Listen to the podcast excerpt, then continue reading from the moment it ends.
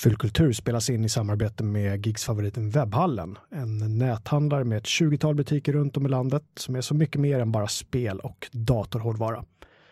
Tack Webbhallen för att ni hjälper till att skapa fulkultur. Nu är det dags för veckans avsnitt.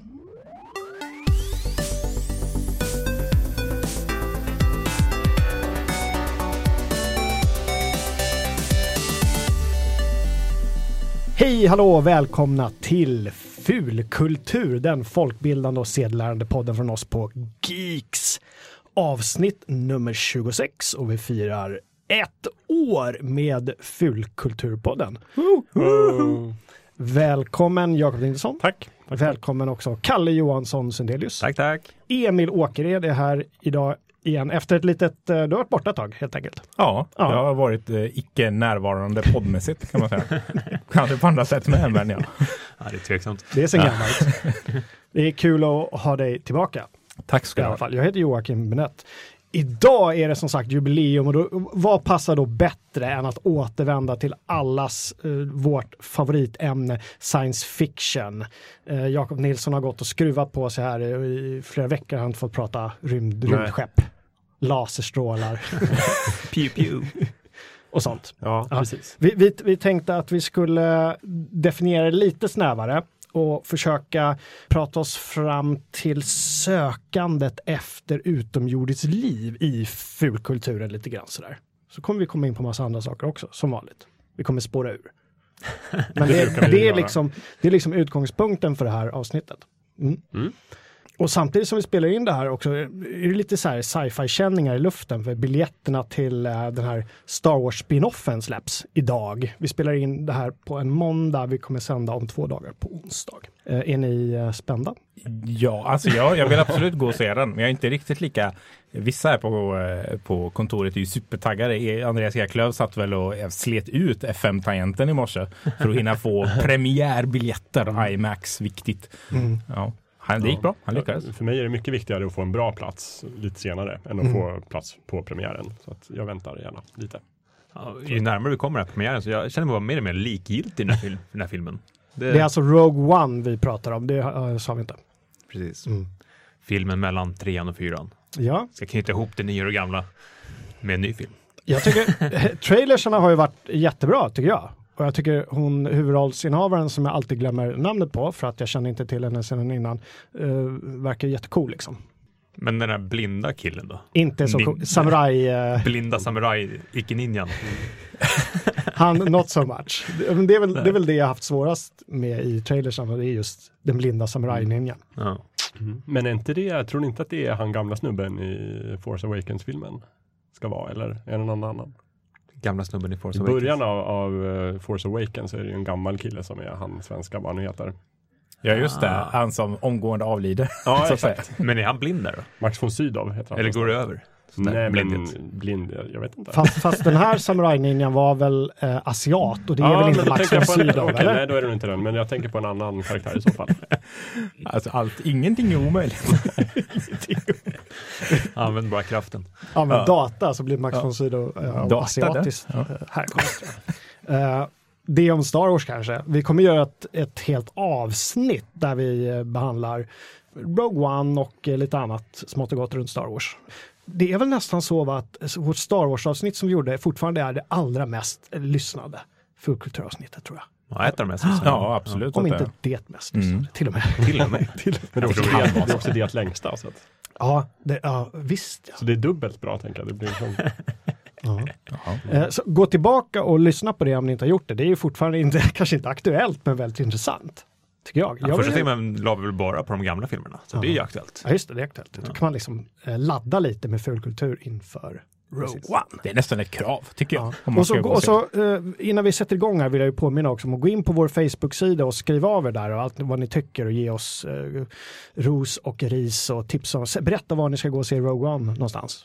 Uh, om ni ska se det i sån här fånig 3D eller om ni ska vänta på en riktig biograf. Du lät inte alls gammal där nu, så det är ganska bra. Lite, lite lätt kulturelitiskt. Det lät som att du skulle vänta in Radioteatern eller ja, precis. Max von Sydow läser in. eh, Radioteatern presenterar. Eh, något annat kul som hänt sedan eh, förra avsnittet som ni vill dela med er av? Något fulkulturellt ni har spisat, några fulkulturister ni har träffat eller ja, Alltså, jag, Alltså, ja. Jag tar du först för all Nej, jag, jag, jag vill bara få det här ur, ur vägen på en gång. Jag och Jakob har haft en beef här. Mm. jag sa att The Expanse inte var så jäkla bra. Och då fick jag höra att jag... tv-serien då? Tv-serien, Ja. precis. Som är ju lite science fiction och Ja. sen är ju rymd och grejer. Ja, men det var lite droppen som fick bägaren att rinna över för min del när det gäller dig. För jag tycker du har uttalat det sådär om allt möjligt som jag gillar. Ja. Och sen uppfattade jag det som att du sa något nedvärderande om Daft Punk också. Då, då exploderade Fast vi egentligen pratar om Mumford Sons. Ja, precis. Det, det var en detalj. Men nu har vi kommit fram till att vi ska du ska göra en Jakobskala. Du ska ju sätta liksom hundra stycken verk Ja. Som, och ska göra för att visa om de är bra eller dåliga. Hur mitt, och utifrån det ska vi då avgöra om jag, om jag är bra eller inte. Ja, du ska, eller alltså enligt Jakobsskalan. Enligt Jakobsskalan. Kvaliteten på dig som människa precis. ska avgöras. Så Jakob kommer på något sätt bli kanon som vi alla utgår ifrån, eller? Ja, det beror ju på, om den här Jakobsskalan får fäste så blir det ju Ja. blir det så. Jag hoppas Det ju på är det. lite så här diktatorvibbar på det. Men The Expanse finns ju för övrigt på Netflix nu. Eh, Det har ju nämnts innan, men det är ju värt att säga. Det är inte så, det är väl någon månad va? Det har legat där, något Mm, sånt. precis. Jag har ju tjatat om Expanse-böckerna väldigt mycket i fulkultur. Jag har inte, fortfarande inte läst klart serien. Jag tycker den är väldigt bra och fin. Men jag började ju också se på tv-serien och tyckte att första avsnittet var, åh, det var jättebra. Sen blev det lite mer och mer så här, lite som Kalle sa att, fan vad hände med budgeten? Brände de allt på ettan där? Liksom? Lite grann. Plus att jag har väldigt svårt för att en av huvudpersonerna, den här hårdkokte detektiven, inte är en lite äldre man som han var i, i böckerna, utan en ganska liksom het, snajdig lirare. det har jag jättesvårt för. Jag, jag läste honom nog som en äldre man när jag såg den. Så att, Gjorde du det? ja, eller så han är väl ändå äldre än mig. Så jag tänker, Han är väl typ 40. lite sliten. liksom. Ja, Men exakt. böckerna var, kändes han typ lite korpulent, typ 60-årsåldern. Ja. Så här gammal detektiv. Ja. Lite så här, eh, vad- heter de där? Uh, Fat Man and uh, Jake and the Fat Jake Man. and the Fat ja. Man, lite så. Just det, kanske. Yes, uh, någon mer som gjort något kul? Jag var ju tvungen att säga det, vi pratade om det lite innan, att jag faktiskt har tittat på Westworld nu. Mm. Eh, Eftersom vi inte har pratat om det så mycket i tidigare avsnitt, tänker jag. Mm. Ja, just det. Eh, Men jag är inte alls så såld som alla andra verkar vara. Men du säger att det är långsamt. Jag tycker det är otroligt långsamt. Eh, jag tycker det finns alltså det är en del spännande intriger. Det är klart jag är nyfiken på vad som händer och vad som kommer hända. Men jag, jag har väldigt svårt att bli så här superinvesterad. Så, så här, sitter och längtar efter nästa avsnitt. Nej, inte direkt. Ja, Eh, ja, jag tror att den serien hade liksom vunnit på att vara en Netflix-serie där man kunde se allting på ett bräde. För att enda anledningen varför jag tror jag är liksom verkligen investerad i den här serien är ju just att jag har ju gått all in och lyssnat på tre, fyra poddar efter varje avsnitt. Så att jag har ju liksom efter väl avsnittet har släppts så har jag ju liksom Westworld-material tills nästa Mm. tv-avsnitt kommer. Så att jag har liksom Westworld överallt. Ja, det kanske är så. Jag Men- kanske har gått in med fel approach på något sätt. Den här showen har ju delat eh, eh, geeks lite grann, verkar som när man läser på Slack i alla fall. Eh, jag själv har ju gått från att varit väldigt taggad till att uh, droppa lite och sen upp igen, liksom. som en jojo lite grann har jag gått. Ja, jag är helt såld och tycker det är perfekt att det är bara ett i veckan. För då hinner jag liksom smälta avsnittet. Det får gärna gå långsammare. Jag, men, jag börjar oroa mig nu för att de kommer avslöja allting i slutet av säsongen och så är det över. Det var ju väldigt dramatiskt det senaste avsnittet. Ja, men Vi kommer inte det säga någonting, men det var extremt. Mm. dramatiskt. Ett av de bättre, eh, inte helt otippade grejer som hände, men, men ändå. Jag vill å andra sidan, jag har ju sovit igenom de senaste fyra säsongerna av Game of Thrones också, så jag har uppenbart svårt för, för viss, en viss typ av serie. Ja. Hörrni, ska vi kasta oss in i, i dagens ämne? Mm. Jakten på utomjordiskt liv. Folk letar ju efter det, eller folk i allmänhet kanske inte gör det, men, men, men forskare letar ju efter liv utanför vår planet. Och fulkulturen har ju hur många liksom, eh, skildringar av det här som helst. Allt ifrån att vi ger oss ut i rymden och hittar någonting, allt ifrån att vi tar emot några signaler eller att det kommer, som det kanske är vanligast, att det kommer någon arg rymdvarelse och attackerar jorden. De gillar ju att spränga oss som first contact. Det är ju populärt kan man ju säga. Om vi börjar så här då, hur, hur, hur pågår det här sökandet faktiskt i verkligheten? Det finns ju någonting som heter SETI, existerar det fortfarande? Eh, oklart faktiskt. Eh, men det gör det väl i någon form av kapacitet. Ett tag där var det jättepopulärt just det här med att alla söker efter eh, liv i rymden. Att man laddar hem den här lilla klienten och körde Mm. på sin dator. Som hjälpte till att analysera de här, den här datan. Då. Och så hoppades alla på att de skulle hitta aliens hemma i vardagsrummet. Alltså inte att de var, nej, ni förstår. Eh, men jag vet inte hur det ligger till med, med CT nu för tiden faktiskt. Distributed computing tror jag det kallas när man på något sätt crowdsourcar Mm. sådär. Vilka var det som låg bakom det där CT? Search for Extraterrestrial Intelligence. Just tror det. jag. det var väl ett NASA-projekt tror jag, Ja. helt och hållet. Sen samarbetar de väl med andra rymdstyrelser. Ja, något universitet kanske också Ja. som var med och för jag kommer ihåg, jag laddade ner den där skärmsläckaren och tänkte att nu gör jag mitt för mänskligheten, nu jävlar, inom ett år här så kommer vi. Så sitter den bara där. Och sen bytte jag burk och sen har jag inte, aldrig tänkt på det mer. Liksom. Mm. Men det vore spännande att se om det fortfarande... Gå in och berätta för oss om ni vet mer om det här, ni som lyssnar. Mm. Det fortfarande pågår. Men C- CT annars figurerar ju väldigt mycket i diverse fulkultursammanhang. Det är ju Mm. en ganska vanlig eh, mekanism för att hitta liv på något sätt eller uppmärksamma liv på något sätt. Så, så är det de här stora vita antennerna och sådär. Lite. Jag tänker osökt på, eh, vad heter filmen Contact va? Visst gör den Mm. det? Som jag faktiskt såg igår kväll. Med Jodie Foster Ja. va? Som är bra dåliga. Ja, men det, det var från 97 och det är verkligen så här litet mellanår. Liksom. Jag vet inte. Jo men den, den höll ganska bra. Mm. Men var lite konstig ibland. Är, det, är det någon av er som har läst boken som den bygger på, Carl Sagan? Mm. Mm. Det har- det har Jakob gjort. Länge sedan. Ja. Jo. Hur var den då, minns ni? Jag minns faktiskt inte. Jag vill minnas att den är bättre än filmen. Ja. Ja, när det kommer till de här kontaktfilmerna, jag brukar ofta uppskatta den här uppbyggnadsfasen mer än själva liksom klimax, för det blir alltid någon sorts, ett sorts antiklimax lite grann. Antingen blir det något väldigt flummigt som ingen förstår och sen blir det svart. Eller så är det en rymdvarelse som står där. Mm. Vad har vi för olika, exempel på de här, de, här sluten? Det finns ju så här närkontakt av tredje graden som är en av de absolut bästa filmerna tycker jag på ämnet. Men som fortfarande i slutet så här, okej, det kommer en varelse och sen är det slut. Liksom. Spelar piano ganska länge. Men Ja, precis. De kommunicerar via någon sorts så här ljud. ljudfärgpanel. Ja. Ja, men det är väl lite samma som i skräckfilmer, att, att det är alltid bäst tills man visar själva monstret. Ja. Sen är det inte lika spännande längre. Det är väl samma sak med de här, att det är spännande och tätt liksom när man, så länge man inte vet vad är det vi ska få, vilka är det som skickar de här signalerna och vad är det? Och sen när de ska försöka avslöja det, då blir det så här ett antiklimax ofta. Mm. Det blir ofta lite pajigt också. Ja. Ja. Finns det några böcker eller filmer någonting ni kommer på på rak arm som inte porträtterar rymdvarelsen som någon sorts humanoid grej utan när man faktiskt blir genuint överraskad. Oj, vad, vad var det här? Är det inte så i vartannat avsnitt av Star Trek, typ att de träffar en, en ny intelligens och så visade det sig Intelligent att moln. Typ. Ja, och det här var ett moln eller det här var en, en datablipp eller någonting. Det är därför vi inte har kunnat kommunicera. Ja, fast i Star Trek funkar kanske det på ett annat sätt. För där är ju, hela Star Trek är ju så flummigt, eller vad säga. Men det är ju redan, du har redan upptäckt tusentals andra världar Mm. och raser och varelser. Och, men jag tänkte just när First Contact. Ja, det är en bra fråga faktiskt. Ja. Nu, bara för att du sa det nu så tänker jag bara på sådana här eh, gröna gubbar som tar folk i hand. Liksom. Inget annat. Jag började tänka på Mars Attacks, just det här med kommunikation, när de har den här översättningsapparaten som blir helt som blir totalt misstolkad och sen börjar de skjuta på varandra. Ja, just det. Är det så att det inte är meningen att marsianerna ska attackera från början, eller? Det, det, blir något missförstånd i alla fall. Översättningsapparaten Mm. funkar inte som den ska och sen blir de väldigt provocerade när någon släpper ut en vit duva, en vit fredsduva och sen går det åt skogen. Ja, för det är ett vanligt tema att det går fel. När någon sk- ska säga så här, vi kommer i fred, så Mm. blir det helt tvärtom. Men lite som den där, vad heter den? Det finns både en film med Keanu Reeves och en gammal film som den bygger på. Där kommer en rymdvarelse som heter Klaatu, såklart.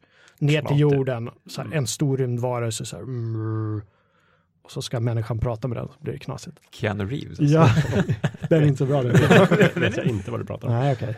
Vi, vi, vi går vidare från det. Jag minns inte heller. Men bra rymdvarelsenamn annars. Klaatu. Klart det, jo. Mm. Många konsonanter ibland. Det är så här scientolognamn. Men det är ett intressant tema där som, som dök upp det här med för någonting jag verkligen kommer på massa exempel på är det här med när first contact med felaktigt eh, någonting går åt skogen och folk börjar skjuta på varandra. Både i spel och film finns ju hur mycket som helst. Eh, Mass Effect bland annat som kommer upp ofta är också här när människoskeleten träffar Turians för första gången så börjar de skjuta på varandra. Eh, Den gamla klassiska serien Babylon 5 vill jag också minnas att det. den har sitt ursprung, de börjar skjuta på varandra. Någon kommer med kanonportarna öppna, någon fredsgester, de Just andra ah, och så skjuter de på varandra. Det känns och som så att de det borde åt ha räknat ut dock såhär, att det inte är en så bra fredsgest. Nej, man kan ju tycka det. Oavsett vilken varelse man är så är det såhär, vänta nu. Det här kan feltolkas. Men den absolut vanligaste tolkningen måste väl ändå vara den som jag nämnde, att, att det kommer rymdvarelser och attackerar oss. Att det är någon sorts hot, att det blir krig och sådär. Mm. Det känns så i alla fall. Ja, Ja, men det- men det- det, det är liksom- ända, går väl ända tillbaka till världarnas krig från 1800 någonting. Ja, precis. Och sen har vi långköraren V, kommer ni ihåg den? Ja, just det. Ödlorna Och remaken på V. som inte var lika bra.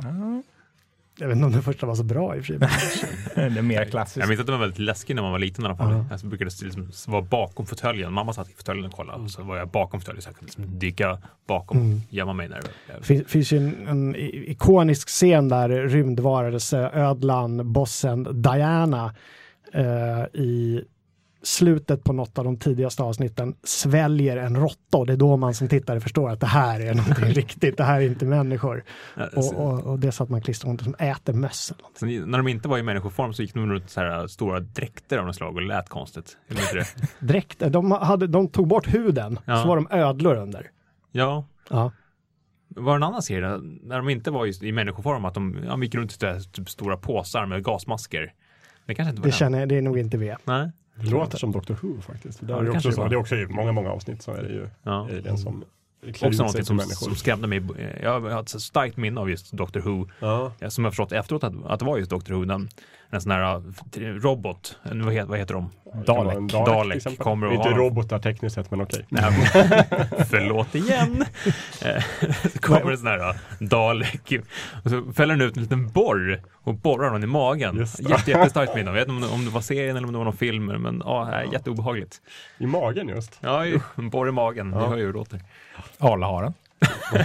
Bara kommer jag osökt att tänka på. Jag har inget med det här att göra. Men ni förstår, de som förstår, förstår så att säga. Alaharen. Vi får lägga ut den på Instagram kanske, en bild på Alaharen. Eh, för ett sånt konto har vi, eller? Absolut, Mm. Fulkulturpodden Ja. kan man söka, då hittar man den. Mm. Vi har fortfarande inget Twitter-konto. Nej, jag vet inte om man behöver ett Twitterkonto år 2016, 17. Ni får förklara det för oss. Eller Jag vet berätta. inte. Kultureliten twittrar ju. Jag vet inte om vi kallar oss för, för sån. Vi är mer fulkultureliten. fulkultur. Vi får suga på den karamellen lite. Vi plebs, helt Ja. enkelt. Plebeliten. Lyssnarna får väl höra av sig om de tycker vi ska ha ett Twitterkonto. Och, Och i så fall vad vi ska göra med det. Ja, Ja. Precis.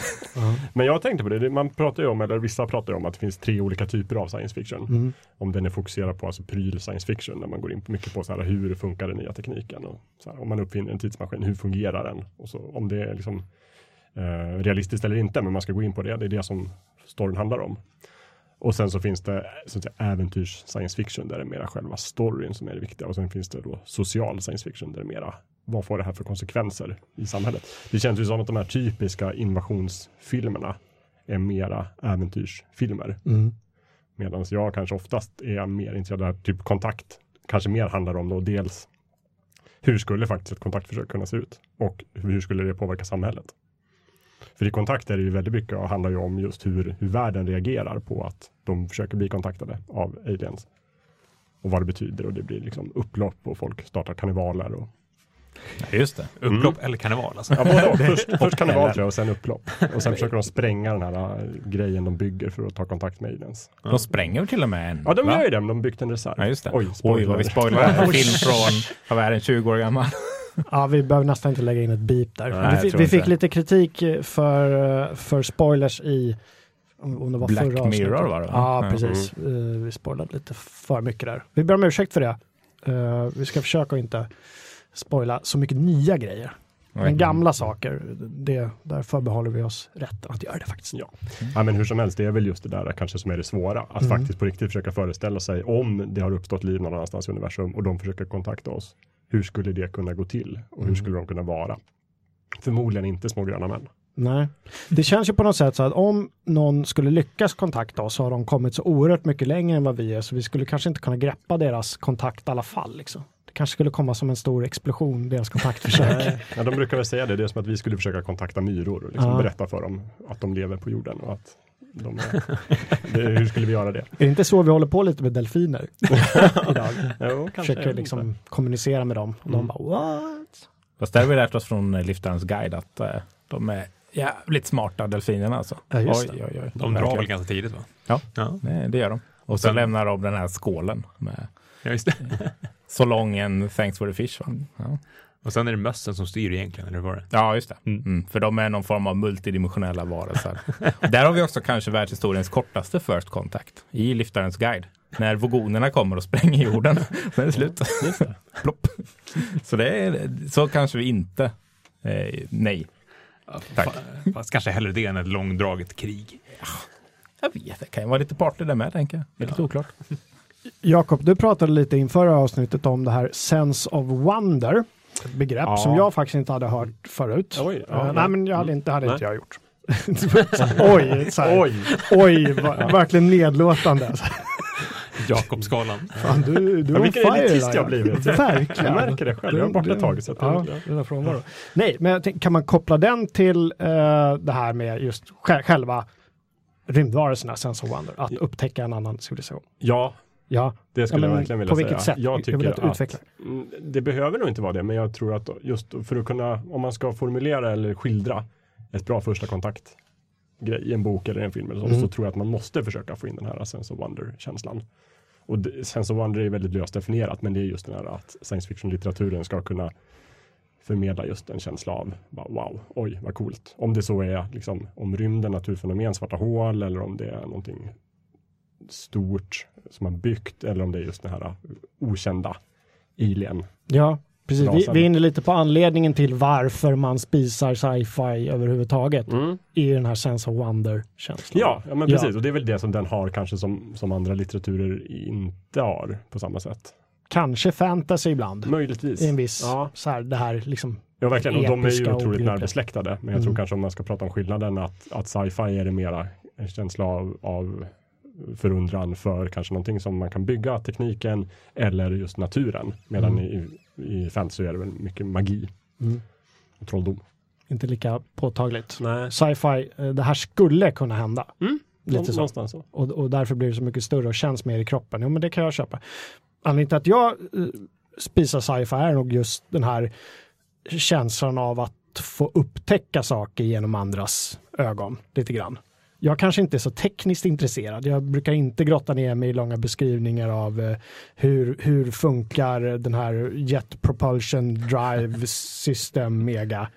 Så, det, det läser jag, men det är en, bara en del av inramning, utan själva det här upptäckandet. Var, varför, vad har ni för, vad har ni för ursäkt till läsa sci-fi, jag på säga? Jag tycker, jag, jag kanske lite mer tvärtom där, kanske lite mer Jakobs spår. Att jag tycker om när det, när det är ganska beskrivet saker. Jag, jag tycker om när författaren har tänkt igenom hur någonting faktiskt fungerar, man ska säga, och tar sig tid att förklara det. Sen är det ju ofta hittepå mumbo jumbo förstås, men att det ändå finns en någon form av röd tråd. Eh, den lite hårdare science fiction är det väl om man ska, om man ska klassificera det. Eh, det gillar jag och jag kan verkligen sitta och grotta ner mig i många sidor när de förklarar den påhittade tekniken så att säga. Eh, och Men- inte bara så här är det. Men precis, men där går du faktiskt in och du läser aktivt just den texten, alltså, du vet, om tekniken. Medan för mig är det som en, en bra kuliss på en teater, att den behövs. Men jag grottar inte ner mig i den. Men du är ju lite mer tekniskt lag- lagd än vad jag är. Det kan ju, kan ju, Det kan ju vara, ja. En viss för, mer förståelse, eller? Men nu när du lägger upp det på det sättet så nej, det är ju inte så att jag kanske sitter och funderar och så här, "Psst, det här skulle aldrig fungera på riktigt. men däremot så, ja, jag ser det nog som en kuliss, men kanske på ett lite annat sätt än vad du gör då. Alltså, jag, jag, jag, jag mer gottar ner mig att det är en teknisk kuliss där och Mm. jag tycker om sen senare om det, här, om det hänger ihop i en lång bokserie. Att, att tekniken och eh, världen håller hela vägen så att säga. Och att de inte börjar ta genvägar sen. Vilket är kanske tv-serier ganska vanligt, långdragna science fiction-serier. Att de, efter säsong tre då glömmer de bort lite hur de hade byggt upp tekniken i säsong ett. Och så. bara- Men du är alltså inte en sån som går ut på internet efteråt och bara så här, hallå, det där, minsann, det där var en logisk lucka, det skulle aldrig fungerat därför att eh, Eh, nej. fysiken slår blä, blä, blä. liksom. Verkligen inte. nej. Verkligen inte. Nej, nej. nej alltså, det känns som att det har gått i vågor med hur man har spisat. Det börjar ju kanske med liksom Star Wars, där, liksom, rymdoperan, episkt och liksom pew pew pew och lasersvärd och hela grejen. Mm. Sen i tonåren blev det mer det här liksom militäriska, att det var ballt med liksom rymdsoldater som snackade med varandra med olika te- tekniker och hade ihjäl bugs med coola vapen och sånt där. Mm. Uh, sen har jag helt ärligt tappat science fiction lite senaste tio åren. Jag har nog inte läst så mycket ny fantasy. En fantasy, science fiction. ja, men apropå det, Star Wars känns ju mer fantasy än science fiction. Ja, men det Rakt av. ja. Mm. Eller hur? Fast Ja. det är fantasy i rymden. Liksom. Mm. Med rymdskepp och laser. Ja, men precis. Och det, men det är ju just den här liksom en, äventyrs science fictionen. Det Ja. viktiga är inte just hur en X-Wing hoppar i rymden utan vad, vilka äventyr de får uppleva där. Liksom. Mm. Det, det finns, eh, lärde jag mig också inför det här avsnittet av Jakob Nilsson såklart, att det finns något som heter Mohs skala Ja, på tio, är det tio steg eller? det finns nog väldigt, ja men Eller säg fler. tio steg. Ja. Eller Eh, fem eller Ut tre. efter vilken man kan mäta så att säga hur hård eller mjuk sci-fi är. Där mjuk sci-fi då är liksom totalt uppåt väggarna Star Wars. Typ. Ja. Och hård sci-fi men det här är riktigt påtagligt eh, genomtänkt. Ja, och Eller? egentligen så tycker jag det är lite larvigt att hålla på och prata om hur hård och mjuk science fiction är. Så där Mm. att göra på en skala, men det är ju bra, kanske mest för att kunna placera in olika verk i vad de vill uppnå. Jag tycker inte, jag lägger ingen värdering i om det är mjuk eller hård science fiction som är bäst eller dåligt, utan det finns bra inom alla kategorier. Mm. Men en jättemjuk science fiction är mer Star Wars. Just så här, om du hoppar in i ett rymdskepp och flyger iväg i hyperrymden så är det helt ointressant hur den fungerar. Och vill man så kan man ju slänga in lite så här technobabbel om, liksom, ja men tryck på liksom superfusionsmotorn. Den drivs av kristaller. men det är mest för att ge liksom krydda åt, åt berättelsen. Mm. Och sen finns det liksom lite hårdare, då kanske man ska ändå försöka sig på någon sorts kvasirealistisk förklaring av hur den här motorn fungerar och, och man kanske liksom, om man flyger i ljusets hastighet så, så gör man någon sorts förklaring i, i varför och hur det går till. Och sen den allra hårdaste, då, då är det inte på tal om att den skulle kunna åka snabbare än ljuset, för det går ju inte enligt fysikens lagar. De skulle aldrig kunna skriva om. De allra hårdaste science fiction-författarna kanske förnyser åt det. Mm. Och då, då blir det kanske också, alltså då kanske man skriver böcker mer om Apollo-projektet. Och så. Apollo 13 är ju liksom en hård sci-fi-film. På det sättet så. Mm. Har du några exempel på eh, några andra i den här hårda skalan då?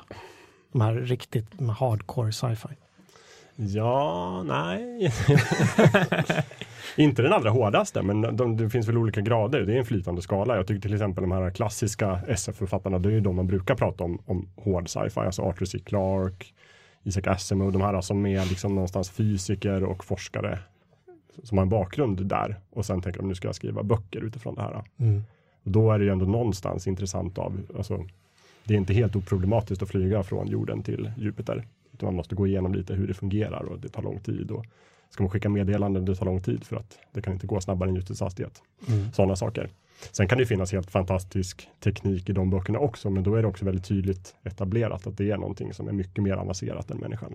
Alltså, Var skulle en aktuell serie som till exempel The Expanse hamna i den här skalan? För där har ändå, Ja. känns det som att de har en, åtminstone i min, i min värld, en relativt begriplig så här, drift. Ja, precis. Jag skulle verkligen säga så här kvasi-hård. Ja. Alltså de, har ju, de är ju inte forskare själva som jag förstått det. Däremot är de någon sorts vetenskapsjournalister i grunden. Mm. Och de har ju sagt det att vi har, vi har kollat mycket på Wikipedia, så här, hur det fungerar. Precis. Men sen dyker upp en rymdvarelse som ingen förstår. ja, Lite men så. precis. Ja. Mm. Krockar de där världarna lite grann. Ja. Men Men- med Expanse så är det ju bland annat som du var inne på tidigare, de reser inte snabbare än ljuset. Eh, kommunikation tar tid, Mm. vilket är en del av det som bygger eh, storyn är ju, kretsar ju mycket runt det, att det tar tid. Och nej, nu blir vi anfallna här, nu ska vi skicka ett skepp dit. Det tar två veckor, så det är lite jobbigt om det är bråttom liksom. Precis. Och ska man så här bromsa eller accelerera eller svänga i rymden, då måste man skjuta sig full med droger för att Ja. kroppen klarar inte av Ja. de här otroliga Ja, krafterna som precis. blir. Och så tar bra. det lång tid. Så här, nu ska vi börja Mm. bromsa tre dagar innan vi kommer fram. Så på det sättet är det ju ganska hårt. ja, men så vill man göra någon sån här lackmustest om hur hårdet verkar så kan man ju bara kolla. Går det att flyga snabbare än ljuset? Går det att åka i tiden? Om svaret är nej, så här, hur styr man i rymden? Är det en svår och krånglig process eller bara att svänga med ett flygplan? Finns det ljud i rymden? Ja, finns det ljud i rymden? Låter lasern? Ja. Då är det mera mjuk så. Men jag vet inte, som sagt, jag tycker liksom, det är inte bra eller dåligt om det är hårt eller mjukt. Utan det, är bara, det tilltalar kanske olika människor och på olika sätt. Hörrni, det blev dags att påminna om att vi sponsras av Webbhallen som är en näthandlare och ett antal butiker ute i landet. Emil, vad köpte du senast på Webbhallen? Eh, senaste jag köpte på webben var faktiskt eh, samlingsboxen för Star Trek TNG. Som ju känns väldigt eh, fulkulturellt måste jag ändå säga. Absolut. På Blu-ray. Men vad, är det allt liksom? Det är allt. Det är alla avsnitt och eh, alla säsonger. Och vet, som släpps idag, bland annat på webbhallen, är eh, Blu-ray-versionen av den senaste Star Trek-filmen. Vad heter den Jakob? Star Trek Beyond heter den. Just det. Så den kan man plocka upp. Ja, visst. Ja. När kommer nästa film då? Nästa Star Trek? Ja, Ja, det är nog inte planerat ännu. är det inte Nej, det? ja, ja, det blir nog en till, men de har inte sagt något Aha. datum. Det Förra kom ju i somras här. Ja, okej. Det var rätt nyligen. Men den kommer ju garanterat finnas att köpa på webbhallen. När den landar i någon Oj. form av fysisk media. Precis. Eh, och det vill vi uppmuntra alla som lyssnar såklart att är det någonting vi pratar om här som ni tänker, åh det skulle jag få tag på, gå in, gå in hos våra sponsorer och kolla om de har det först såklart. Förmodligen gör det. Förmodligen gör det. Vi tycker om webbhallen. Eh, bra, vi rusar vidare med eh, dagens ämne. Vi satt ju och pratade lite inför här eh, avsnittet och du sa någonting Jakob om att vi i sökandet efter utomjordsliv liksom letar efter det, det konstgjorda, det artificiella. Och så började du prata om, du var väldigt sådär megastrukturer och det var så här, jag fick väldigt stora ögon i alla fall. Jag läste någon inspirerande artikel på nätet som jag kan länka till i länklistan. var, det- var det den där Ja, Guardian-artikeln? precis. va? Just för att det var ju något, bara, det var förra året tror jag, det här stjärn, stjärnan KIC 8462852. Den ja. Ja, just det. Där Precis. NASA eller vilka var, nej det var nog hobbyastronomer faktiskt som Mm. eh, hyrde in sig på det här Kepler-teleskopet och så plötsligt upptäckte de att oj vilka oregelbundna ljusfenomen det är framför den här stjärnan. Det är som att det är någonting i vägen som ligger där. Och det är också det är en metod man använder för att hitta eh, planeter, exoplaneter, alltså planeter utanför solsystemet. Eh, men det här verkar inte vara planeter utan och då kom det någon så här glädjebesked om att det här är den första Dyson-sfären som vi har hittat ute i rymden som någon måste ha byggt. Och Det är den enda lösningen, enda svaret. Ja, och det lät ju för bra för att vara sant och det förmodligen är det inte sant heller. Utan det verkar som att det kanske är bara typ någon konstig astrono- asteroidformationer som har hamnat där och sådär. Vi vet inte, det är väldigt, väldigt långt bort i alla fall. Mm. Så vi kan inte åka dit och titta. Men, men just hur att det är liksom, vi sitter ju här på jorden där vi sitter och just för att kunna hitta de här spåren efter utomjordingar ute i rymden så får man ta till sådana här ganska indirekta metoder. Mm. Eh, och det, det har ju varit några sådana här, jag menar på 1800-talet så när man, de första teleskoperna så kunde man titta på Mars. Och det första man såg var kanaler på Mars. Och då gjorde man ju samma slutsats. Alltså, ah, liv i rymden, det finns kanaler på Mars. Nu har vi det bevisat, det kan inte vara något annat. Mm. Eh, och sen visade det sig att det var någonting annat. Du, du slänger med begrepp som Dyson-sfärer Ja. och sånt. Dyson, var han en författare eller en forskare? Det var en forskare, Mm. har jag för mig. Och det är ju liksom ett koncept. Det är ingen som har byggt en Dyson-sfär vad vi vet. Vi har inte hittat någon än heller. Men det är ju ett, ett, ett kärt tema inom liksom, litteraturen och inom film. Mm. Och egentligen går det ut på att man pratar om, jag tror man kan dela in en civilisation i tre olika stadier. Och klass 1 är egentligen då kan man eh, ta hand om all energi på sin egen planet. Och vi människor är inte riktigt på klass 1 där, utan vi, man brukar väl säga att vi är kanske på 0,75 eller någonting. Så vi är på väg att kunna använda mycket av jordens energi. Men når man till klass 2 då, då kan man ta all energi runt sin egen stjärna. Och då är det just en, en det här konceptet går ut på att man kan bygga en, en Dyson-sfär runt stjärnan. För, för att på något sätt skörda energi från Precis. solar. Om man kollar hur mycket energi som strömmar ut från solen så är det en väldigt liten del som når jorden. Då har man tänkt att om man liksom bygger en konstruktion runt solen istället så kan man ta en mycket större del och liksom den, den kompletta Dyson-sfären är liksom en heltäckande ett skal runt stjärnan som då fångar upp all energi. Och det är alltså det som kallas för megastrukturer som är ett genomgående tema i, i mycket sci-fi. Som finns ju lite där för att bygga den här som vi pratade om tidigare, sense of wonder. Ja, precis. Enorm Eh. skala. Tänk dig bygg någonting runt en stjärna, det är jättestort. Så Ja. det, då pratar man megastrukturer. En, ett verk som var med i, jag tror det var den där artikeln du länkade om, som innehåller mycket av det här. Det är den här Rendezvous with, with Rama, Mm. den här boken. Uh, var det Arthur C. Clarke som skrev den också? Jajamän, eller? Ja, det var det. det var det. 1972. Ja, Precis, just det. Den, den, har- vi, vi har pratat om den i något annat Det har fullkulturellt. nog dykt upp kan jag tänka Mm. mig. Rama var ju då den här eh, 50 kilometer långa cylindern som Just kom det. in i solsystemet. exakt. Som det då var byggt en värld på insidan av. Mm. Precis, så det är ju mer ett, ett rymdhabitat eller någonting Mm. så. Det är inte en, en Dyson-sfär, men det är ju en, en enorm konstruktion Och sen den var ju, nu ska jag inte spoila boken faktiskt, för den är väl värd att läsa. Men den handlar just om att den här stora kolossen kommer plötsligt in i vårt solsystem och vi bara oj, Vad gör vi nu? vad gör vi nu? Precis, Vi åker dit och precis. tittar. Människan har ju haft lite förvarning för flera, många, om det var hundra år tidigare än den här utspelar sig så kom det någon komet och slog till och Mm. därför har då jorden byggt upp något försvars eller något signalsystem och det är därför man upptäcker den här cylindern. Då, Just då. det. Ja, det finns flera böcker i den serien. Va? Det finns tre, Ja, jag har bara läst den första. Precis, första kom där på 70-talet. Andra kom ganska långt efter. Den kom typ 89 eller någonting sådär och, och var märkbart sämre. Den Ah. skrevs ihop med Gentry Lee, eh, båda den andra. Och den tredje boken Mm. vet tusan om inte han skrev själv, Det utan sägs ju, Clark. så här, elaka tungor säger att det var i princip han som skrev uppföljarna. Ja. Och Arthur C. Clarke stod med på boken. Sen om det är tre eller fyra böcker totalt minns Mm. jag inte. Men eh, klart är att de blir hastigt sämre efter första. Men det är ett ganska bra exempel på just det här att första boken, människorna som är med i boken har nästan inga egenskaper överhuvudtaget. Nej. De är helt ointressanta för storyn, utan det är bara astronauter som åker dit och tittar. Hela storyn handlar om den här eh, strukturen och hur den är uppbyggd och vad det kan vara. Så det är nästan ingen dramatik i den, mer Mm. än det här det okända. Sen de andra böckerna blir ju mer och mera människornas konflikter som blir Ja, det är relationer och det är politik Mm, och det är precis. förräderi. Och Ja, det är... Inte lika roligt. Ett annat känt Clark-verk är ju 2001 såklart. En rymdresa heter den väl på svenska och inte en Rymdäventyr. Rymdäventyr. Ja. Det är för att vi sa fel. Space är Odyssey. jag sa fel. Ja. Jo men där är det ju, det, det är lite mer eh, persongalleri där. Men där har vi också sådana megastrukturer. De åker ut i rymden och hittar Mm. någon stor obelisk som bara ligger där och it's full of stars. Mm. Eller hur? Precis, Sense hitta först den lilla monoliten på månen och sen Just den det. stora ute vid, vid Jupiter. Ja. Mm. Det är också ett exempel på liksom uppföljare som blir gradvis sämre och sämre, tycker jag. Nej. Jag såg eh, 2010 filmen häromdagen också. Mm. Så tyckte den, var faktiskt, den är faktiskt väldigt bra. Den är bra, den är inte lika bra som första. Men The det, year we made contact. Ja, just det. Ja. precis. Där är John Lithgow med till exempel. Mhm. Från Tredje klotet. Han spelar rymdingenjör. Åh. Åh. Något som är intressant förresten, som jag kom på, vi pratade om Dyson-sfärer här nyss, att han själv har ju tagit avstånd från det här Dyson. Det är väl bäst för att ge honom den credden. Han hittar på det här och sen har han själv sagt, fast jag tror inte ens på det här. Det är bara, det är bara tankeexperiment.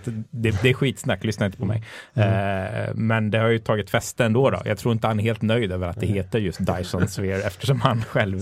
Men om 4000 år när vi kan bygga en Dyson-sfär, då, Då är han kommer nöjd. han tituleras som uppfinnaren. Ja, precis. Ja. Det finns även Dyson-ringar också. Men, eh, som är i princip samma sak fast att man bara bygger en, eh, ja, inte en hel sfär utan bara en ring runt.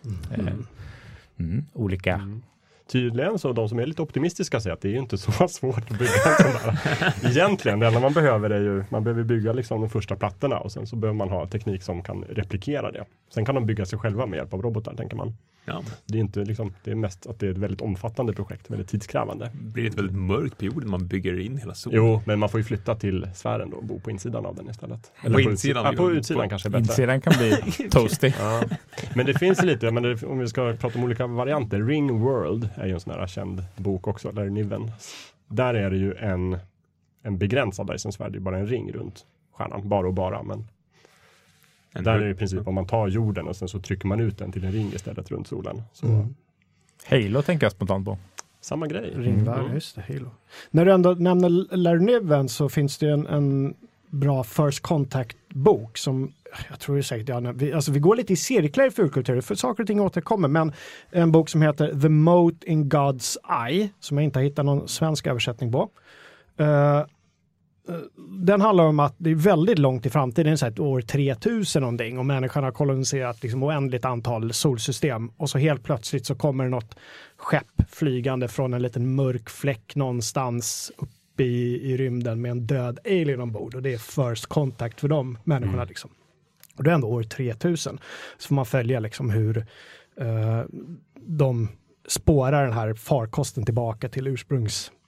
Och Så. Det det är en väldigt bra men otroligt flummig bok. Uh, rymdvarelserna som de, jag, kan inte, jag ska inte spoila hur de beskrivs, men det är jättekonstigt. Mm. Men, men där är det så här, det blir vanligare och vanligare med civilisationer där jättelångt fram, alltså det är om flera liksom, tusen år innan vi upptäcker någonting. Eller hur? Lite som, inte Mass Effect också så här väldigt långt i framtiden innan vi får First Contact? Det är väl inte så? Uh, inte det? det? är nog bara något, något eller några hundra år va? Ja. Det är ju den här introtexten här. Och sen kommer Aha. Mass Effect-text. Vad är det? 2137 eller någonting? Nej, det är inte så. Det är inte så Man avlägset. kanske inte gör gamla klassiska science fiction-misstag med att ja, men år 2001. Ja.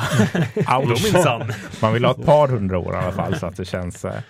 En annan First Contact som blir dramatiskt nu, som sagt, cirklar lite, men eh, bear with me. Eh, återigen, Liftarens guide, eh, planeten, vad heter den, Cricket heter den va? Eh, hur många har läst bok, böckerna så att vi vet? Liftarens? Ja, Ja, ja. Men det som händer där är ju, om ni kommer ihåg att eh, att det här rymdskeppet som den här datorn har skapat landar på det, kraschar på den här planeten. Och det är ju deras first contact. Det är ju deras, eh, eftersom den här, det ligger som ett askmoln över planeten så de ser ingenting av stjärnhimlen. Allting är bara svart och det enda de känner till är sig själva och sin egen planet. Så kraschar det här rymdskeppet. Och deras reaktion på det här är ju, jaha, det finns något annat än oss. Vi ska förstöra det, alltihopa. och sen går ju de ut i det här jättekriget då, mot hela galaxen och ska döda alla. Eh, så så kan det också gå om man, om man inte aktar sig. Undrar hur mänskligheten skulle reagera så. Jag är lite, liksom, någonstans finns det en liten oro där. Tänk om det kraschar någonting här. Det skulle ju finnas någon lagom balanserad individ någonstans som skulle kunna bara, nej, vi ska döda det. Köra all in. Alltså den rasen jag minns som bäst från just liftaren, det är de här, uh, vad, heter, jag, jag vet inte om de har något eget namn, men de som är madrasser. Ja, just de här det. som man fångar in och torkar och använder som ja, Ja. madrasser. Ja. Det är Charmiga små djur. Ja, det är en hel planet som är befolkad som madrasser. Ja, just det. Ja. Madrassdjur. Och där Marvin går runt i tusen år eller vad det är. Men i, lifta, i liftarens då, är människans Ja, det är inte first contact när de kommer och ska göra, liksom riva jorden för att göra intergalaktisk motorväg. eller Det är väl För- officiell first contact egentligen. Det Det har har ju varit varit, några ute och åkt tidigare. Liksom. nej, det har ju Inte? varit aliens på jorden innan men inte som mänskligheten har vetat om. Så för Ah. mänskligheten är det ju first contact. Det är när- Arthur Dent som är den första som liksom. Ja, ja upptäcker. en, Ja. kort, en kort stund. Sen är det tidsresor och så är det Ja, sen här går det ju ut. Inte. Men eh, förlåt att jag snurrar tillbaka till first contact. Man pratar om det här Fermis paradox också när man ska försöka svara på liksom, varför har vi inte träffat aliens ännu? Mhm. För det finns en ekvation som heter Drakes ekvation. Återigen, jag vet inte om Drake trodde på aliens. Men han, i princip går den ut på det. det rymden är jättestor, det finns jättemycket planeter. Så det, statistiskt sett borde det finnas liv på fler planeter än på jorden. Det är liksom Drakes ekvation. Och sen Fermis paradox är så här, ja men var är de då? Varför har vi inte träffat dem? Och sen försöker den svara på det på olika sätt. Mm. Eller det är sådana otroliga avstånd så vi kommer aldrig träffa dem även om det finns där ute på något sätt. Ja, precis. En, det, tanken är ju då man kollar så här, hur länge har universum kunnat ha planeter som är beboeliga? Så här länge. Och hur länge har jorden funnits? Ja, så där länge. Så det finns jättemycket tid innan där det borde ha hunnit uppstå planeter som är mera tekniskt avancerade än oss. De borde ha lärt sig åka i rymden. Så varför har de inte kommit hit? Och sen försöker de komma på, men folk kanske aldrig kommer så långt. Till exempel. Det är en, en förklaring är att det kan finnas någonting som förstör civilisationer innan de har kunnat åka ut i rymden. Lite Mass Effect svaret där. Eller så bara civilisationerna själva kanske aldrig kommer så långt. De kanske råkar utplåna sig själva hela tiden. Och det är ju inte så muntert för, för mänskligheten. Nej, men alltså, nu ska man inte vara sån, men det finns ju en viss potential just det. Eh, något som är intressant förresten, megastrukturer som vi var inne på innan, eh, ett återkommande koncept är ju det här med hela planeter som blir, eh, och ett exempel är det då är planeten Trantor i, eh, i eh, den här, eh, vad heter den, stiftelseteologin. Eh, den här centerplaneten då Just i, i Vintergatsimperiet som är hela planeten är en stad. De har Mm. byggt in, ja, har byggt så mycket att hela planeten är en stad. Och det enda gröna som finns som jag minns på hela planeten är kejsarens eh, palats, trädgården runt det. Det är en liten grön fläck bara, resten är helt. Det är också typiskt eh, megastruktur, eh, science fiction som ändå bli, har, bli, är något mått på när en civilisation når sin höjdpunkt. Då har man byggt in en hel Mm. planet och gjort det till en stor stad bara. Eh, vet inte om det känns som någonting värt att eftersträva, men eh, mm. Möttes vi inte av rykten nyligen igen att de här Asimov-stiftelsen-böckerna skulle bli tv-serie och film? det finns väl någon som har rättigheterna. Ja. Sen om det är på gång eller inte, oklart. Men någon har ju rättigheterna. Någon har sagt att det ska göras film på det tror jag det är. Eller om det är tv-serie. Det känns som ett dyrt projekt spontant. Mm, ja, det beror på hur bra man är på CGI. Ja, ja, CGI, ja, Ja. Måste bli bättre än The Expanse. Alltså. ja. Annars blir Kalle väldigt missnöjd. Ja. Stiftelsen är ju också en sån här, jag vet inte, den är inte, det är ju väldigt få aliens Ja. i den. det någon anmärkningsvärt. Ja, är det inte precis i slutet som de kommer på att det kan finnas aliens. Jag har inte läst klart. Oklart. alls. Jag tror det finns, det finns, jag vet inte om alien per definition, men det finns muterade människor. Ja. Och, ja, det kan vara oklart faktiskt. De, de ska ju också inte- sämre och sämre. Han skrev ju, trilogin är ju bra, de första tre Mm. böckerna, men sen så här på 80-90-talet så kom jag på, nej men jag kan ju skriva fler stiftelsen-böcker. Före och Och så efter. kan jag försöka liksom, sy ihop dem med alla mina andra böcker. Så det blir ett universum Ja. ja. med robotböckerna. Det gick väl sådär kan man Ja. sammanfatta. Och någonstans där så började de prata om att det kanske fanns aliens och det var farligt. Och, men de har inte träffat någon hittills. Så. Fast de har koloniserat nästan hela galaxen. Men något som är väldigt framträdande där annars är ju just eh, robotar och artificiell Mm. intelligens. Som används kanske som ett substitut för aliens i hans böcker. Det är de här lite udda som gör konstiga saker Precis. som man inte förstår riktigt. Jag gillar också att den är så otroligt tidsbunden på vissa sätt. Att de har den här civilisationen men de går fortfarande och lagrar saker på kassettband Mm. och röker cigarrer. det är snyggt. Ja, det är en liten en tidskapsel också. När, när skrev eh, Asimov de här böckerna? 52. Mm. Ja, Så det var ett tag sedan. precis. Mm. Mad Men-tiden. Ja, lite så. Hörrni, om ni var- skulle bli tvungna, eller jag kommer att tvinga er att droppa era liksom absoluta favorit first contact eh, och så vidare, eller, böcker eller filmer eller vad som helst som vi har pratat om idag. Om ni fick välja liksom en, vad, vad skulle ni peka på då? Det här är det största Mm. för mig. Det här var svår. Jag har faktiskt verkligen, mm, Men ska jag börja då? För jag att- tycker nästan det. Kicka igång lite. Då skulle jag vilja eh, vara väldigt banal och säga E.T. The Extraterrestrial. Ja. Som en äkta first contact-film på något sätt. Om den lilla rymdvarelsen som kallas för E.T. Eh, av oss i alla fall. Jo, men gör de det i filmen också? Han kallar, Elliot kallar honom för E.T. va? E.T. Mm. Ja, E.T. Phone Home. E.T. Phone Home, precis. Som kommer till jorden och hamnar hos en familj. Och det är Steven Spielberg såklart. Och det är ju då, är det slutet på 70-talet när det gjordes snarare? 80-talet? 82? Kan det stämma? Ja, Den Alltså, kompakta så- det, tystnaden. det känns som en 80-talsfilm. i alla fall. Ja, jag tror att tidigt, tidigt 80-tal i alla fall. Eh, den vill jag hålla som den absolut främsta. Den har satt sådana djupa spår i mig så att, och den är så fin och vacker på alla sätt och vis. Så har ni inte sett den än så gör det. Den håller ju fortfarande Mm. på många sätt. Jag skulle i så fall kanske gå tillbaka till något vi pratade om lite tidigare, Närkontakt av tredje graden. Ja, den är bra. Som är en väldigt bra film på många sätt, tycker jag. Eh, och det är en mysig, en mysig eh, first contact eh, beskrivning, just det här att men, man förstår inte vad som händer riktigt. Och de här Mm. människorna som är inblandade förstår inte vad som händer. Det bara, och sen så, så visar det sig då att det är det här kontaktförsöket. Det är två parallella spår i, i närkontakt och tredje graden jag för mig. Dels Richard Dreyfuss-spåret där han på något sätt får, får företräda de här människorna som du säger, får de här bilderna i ansiktet av någon Mm. sorts berg eller de vet inte vad det är. Han och så söker de modell, någon sorts- modellera berg. Va? Ja just det, Ja. och någon har ju potatismos gör han och berg också. Och dels så får man ju följa någon sån här, någon forskare på sitt håll. Och så är de här berättelserna sammanstrålar vid det här berget någonstans där eh, forskarna, här kommer det. Och de spärrar av och säger att det är så här eh, giftutsläpp eller någonting. Så att ingen Ja, ska vara där. Ja, jättefin är den. Mm, ja, det är bra film. Också Spielberg. Mm, han kan. Nilsson då? La Nilsson, vad har du att... Ja. Ja, han står och funderar på vad han ska välja. Det finns ju Ja. så mycket. men du måste välja en Ja. till att börja med, sen kan du få Just tipsa det, lite ja, men till då tar jag faktiskt Ja, då tar jag, jag har pratat om den tidigare, men jag tar faktiskt Gateway-serien av Fredrik Mm. Poole. Som är en, eh, första boken är en klassiker och ja, de andra böckerna är också bra. Men där är det just för att de beskriver den här Hichi-rasen som mänskligheten har hittat spår efter först. Bland annat en övergiven asteroid, en rymdstation. En sorts megastruktur det En också. megastruktur Eller hur? med massa rymdskepp.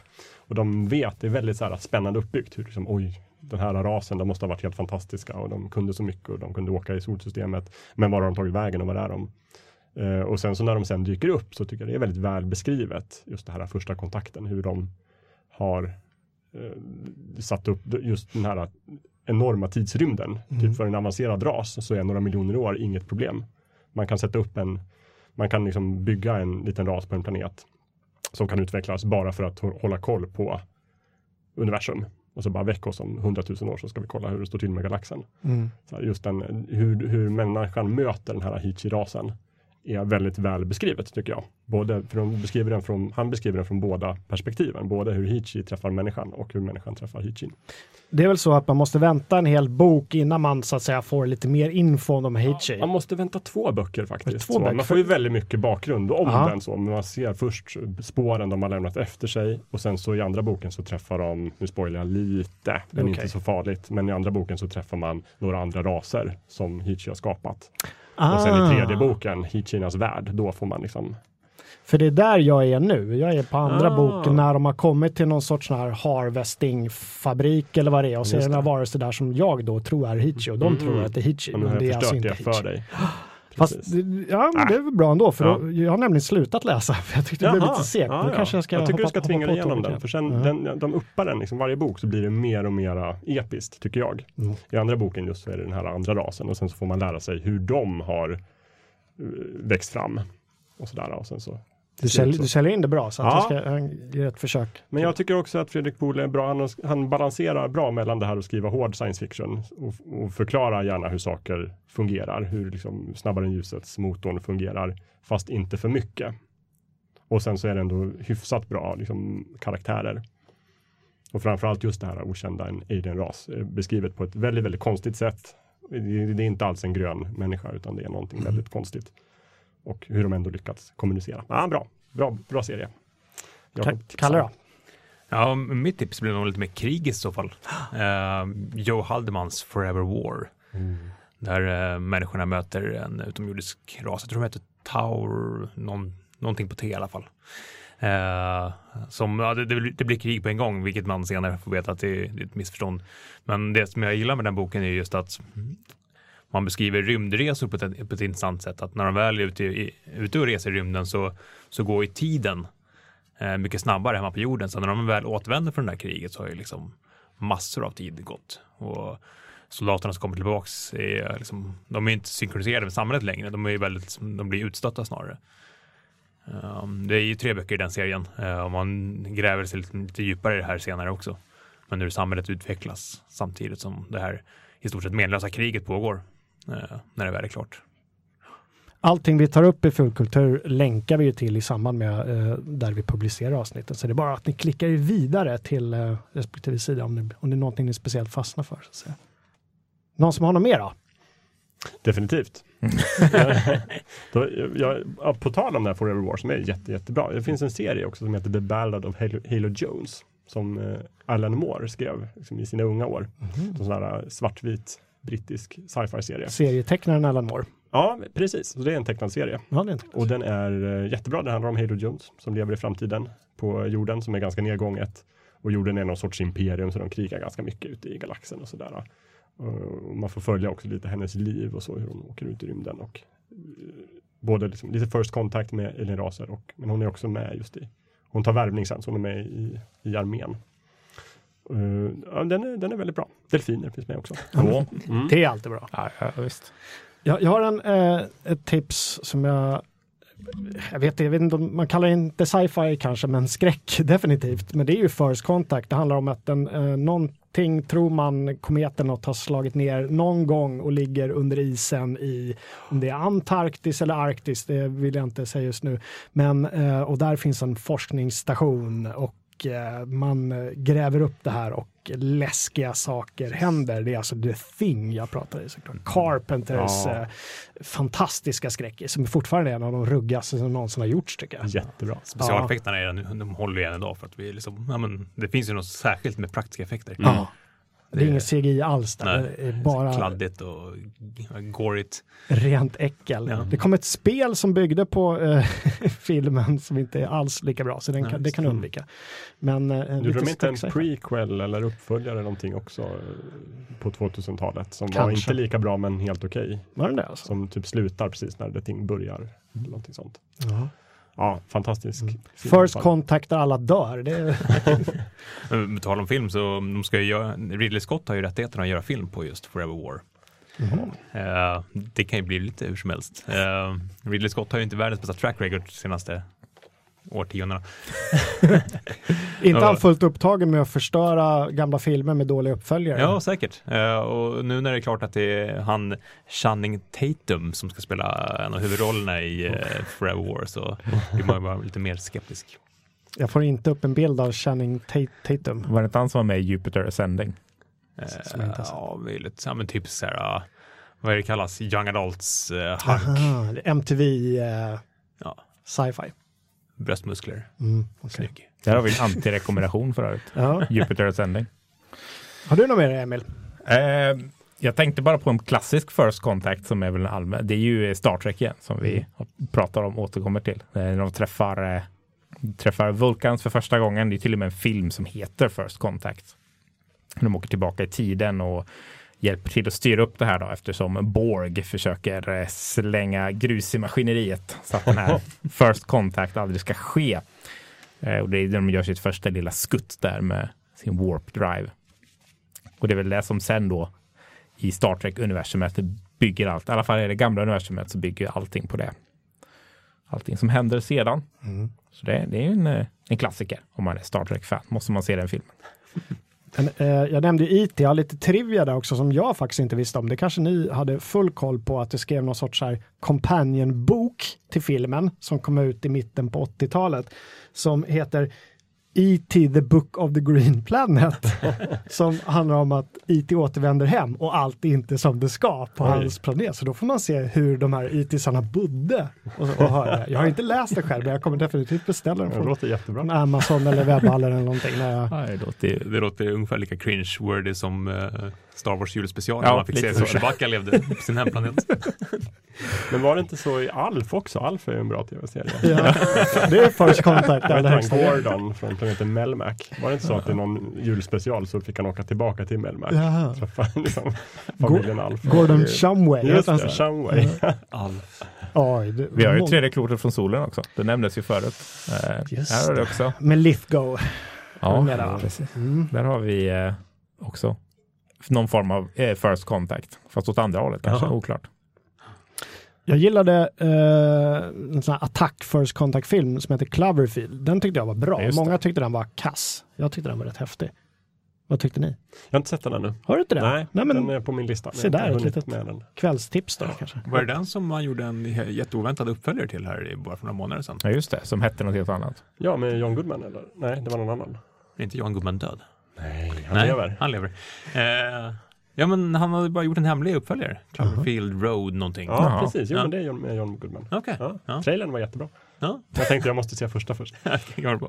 Jag kommer fortfarande inte ihåg riktigt vad Cloverfield, den var väldigt mystisk. Och det var en så här lång eh, eh, startsträcka på internet innan de Mm. eh, lanserade filmen, eller hur? Men skulle skapa någon mystisk stämning om vad, vad, vad handlar det? Vad är Cloverfield? Det var Mm. lite det här Lost-perioden, allting skulle vara så väldigt, väldigt mystiskt.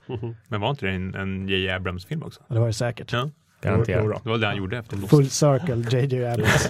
JJ Abrams, det kan jag berätta för övrigt, att han förklarar ju hela det här amerikanska president, eller South Park förklarar hela det amerikanska presidentvalet med att allt är JJ Abrams fel.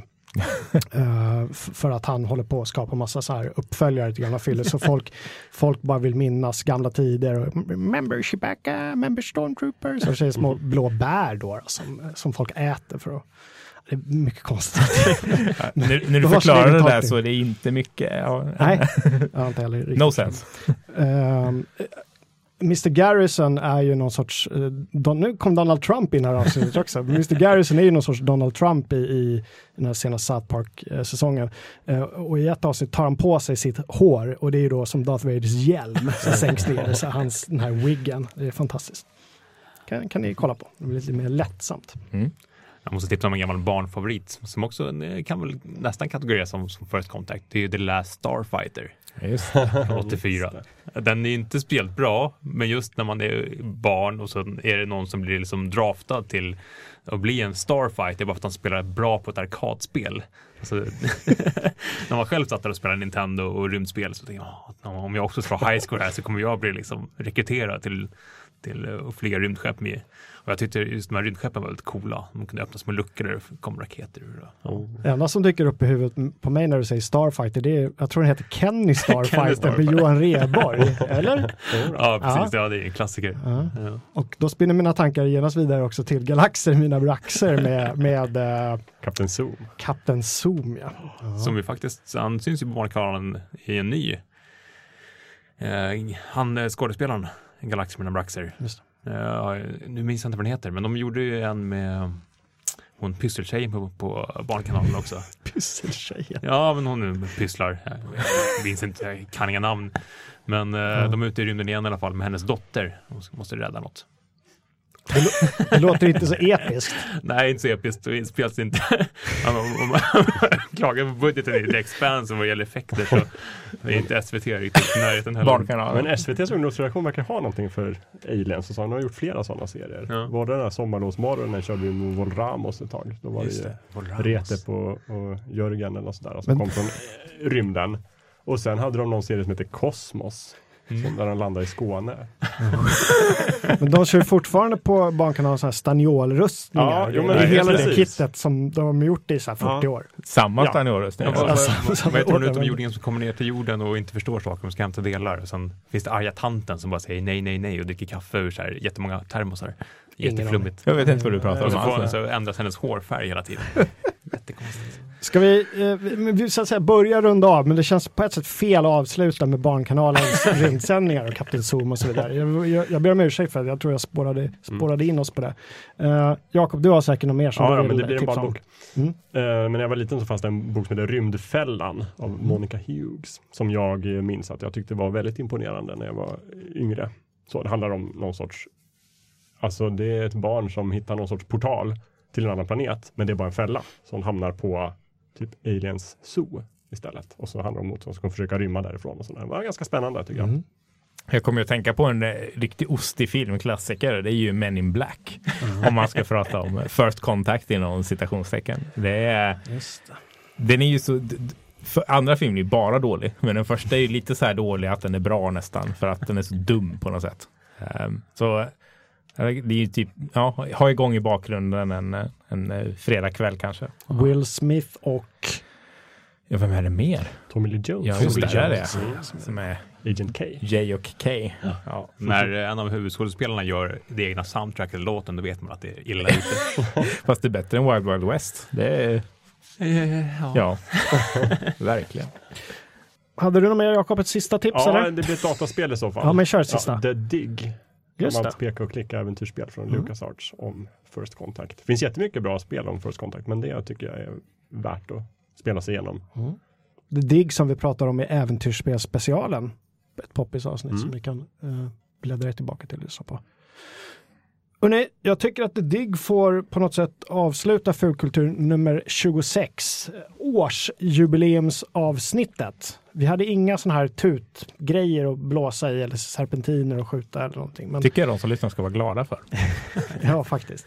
Eh, Men vi firar väldigt mycket inombords och hoppas att vi får hålla igång ett år till. Och det är väl inte helt omöjligt med tanke på att vi har sponsorer nu till exempel, som Webhallen. Och det tackar vi såklart väldigt mycket för att de hjälper oss att göra den här nätsändningen. För er som lyssnar, kom ihåg att tipsa oss. Kom ihåg att gå in och läsa eh, alla våra tips som finns i länklistorna. Gilla oss på sociala medier, Instagram, Facebook. Vi finns på många ställen. Jag tycker vi håller där i alla fall.